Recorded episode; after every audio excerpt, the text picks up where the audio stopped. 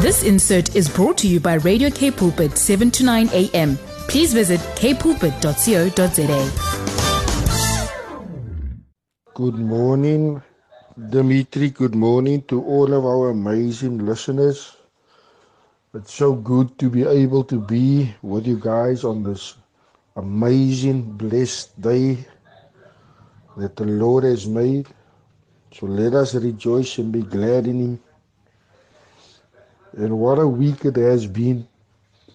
So much that has been happening across the world throughout this week. And, you know, this week I've really been just focusing on, and, and you know, especially with regards to what has been happening out in in Cape Town, within our city, and you know, a lot of innocent people getting hurt. But you know, through it all, we just need to trust God and know that God will carry us through in this time and trust God as we pray and come alongside others and believe in and can confidently say that God will turn the situation around. And what a privilege, huge privilege it is for us even to come together on the on the airwaves and as family I feel we have really, really overlooked something important,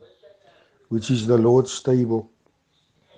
So, as I, I've been asking and seeking from the Lord, and the Holy Spirit highlighted to me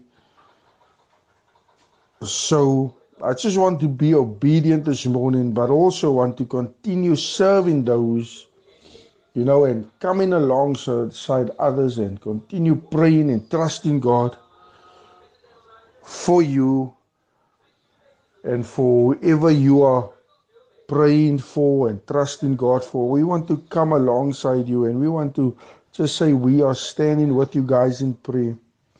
But I want to share three points and why I think Holy Communion is important. But in 1 Corinthians 11, verse 23 to 26, it says, For I received from the Lord what I also passed on to you. The Lord Jesus, on the night he was betrayed, took bread, and when he had given thanks, he broke it and said, This is my body, which is for you. Do this in remembrance of me. And in the same way, after supper, he took the cup, saying, This is the this cup is the new covenant in my blood. Do this whenever you drink it in remembrance of me. For whenever you eat this bread and drink this cup, you proclaim the Lord's death until he comes. I believe covenant is important.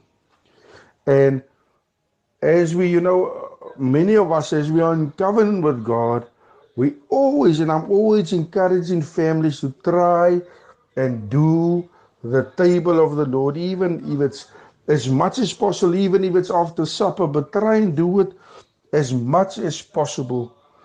But there's three points why I want to share with you why I think Holy Communion is important. Number one is we need to remember Jesus Christ. And as a people, we so easily forget the grace and goodness of God in our lives. When was the last time that we can honestly say we stopped and we thought about who we really are in Christ Jesus? Did we forget that our identity is found in one person and his name is Jesus?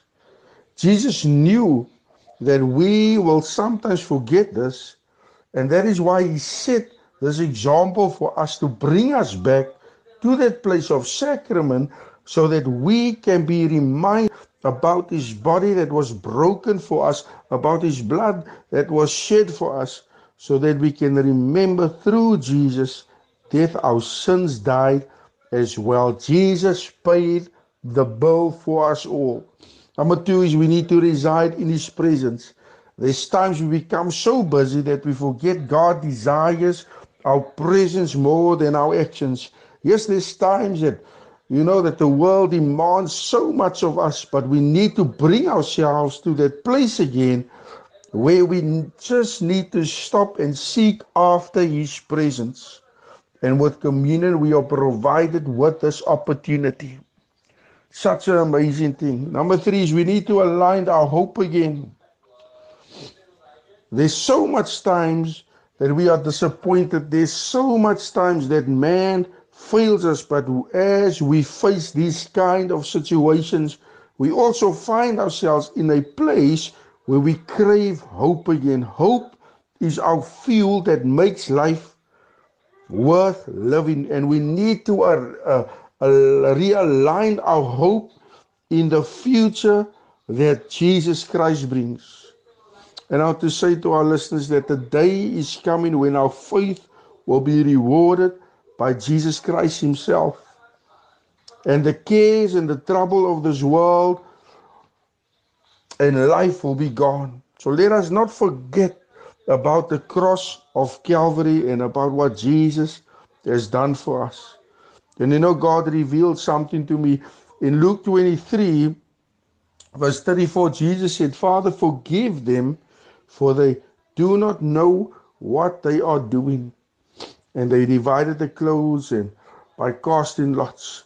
And when I meditated on the scripture, the Lord revealed to me something. He said to me, Jesus was not speaking on behalf of those people there, but Jesus was speaking on behalf or speaking into the past, the present, and the future. Jesus was speaking on behalf of all mankind and was speaking beyond time and matter.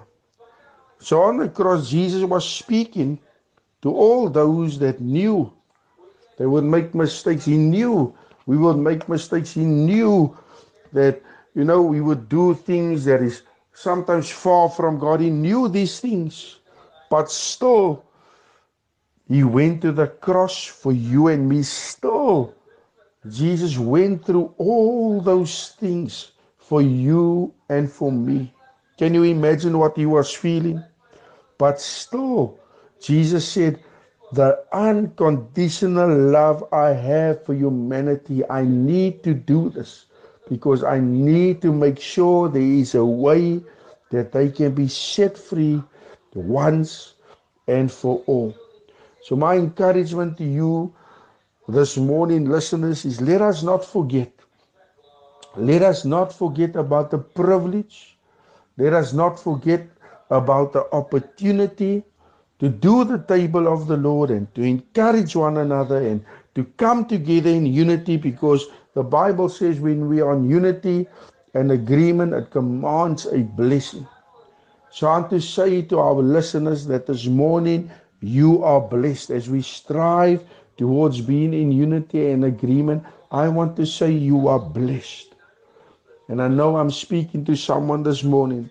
I want to say there's mothers out there that have been praying and trusting God for their children that has been lost and bound. I want to say you've been trusting God for your healing. I want to say there is still power in the Lord's stable. So let us not take it lightly. And I want to encourage you, even today, let us get the family together. Let us partake of the table. Let us strive towards forgiving one another because there is power in forgiveness. There is so much power in forgiveness. And I know God is going to bless you, He's going to bless your families, He's going to bring you closer together. And my prayer is that God would knit each and every one of us closer together in cords of love. So God bless you guys. God bless you, Dimitri. Have an awesome, awesome, awesome weekend. God bless you, Pastor Stan. I want to say I appreciate you guys and may God continue to bless you guys abundantly beyond all you can think and imagine. Have an awesome weekend. God bless you. Bless you, my brother, Kurt Oliver with the World View. This insert was brought to you by Radio K Pulpit, 7 to 9 a.m. Please visit kpulpit.co.za.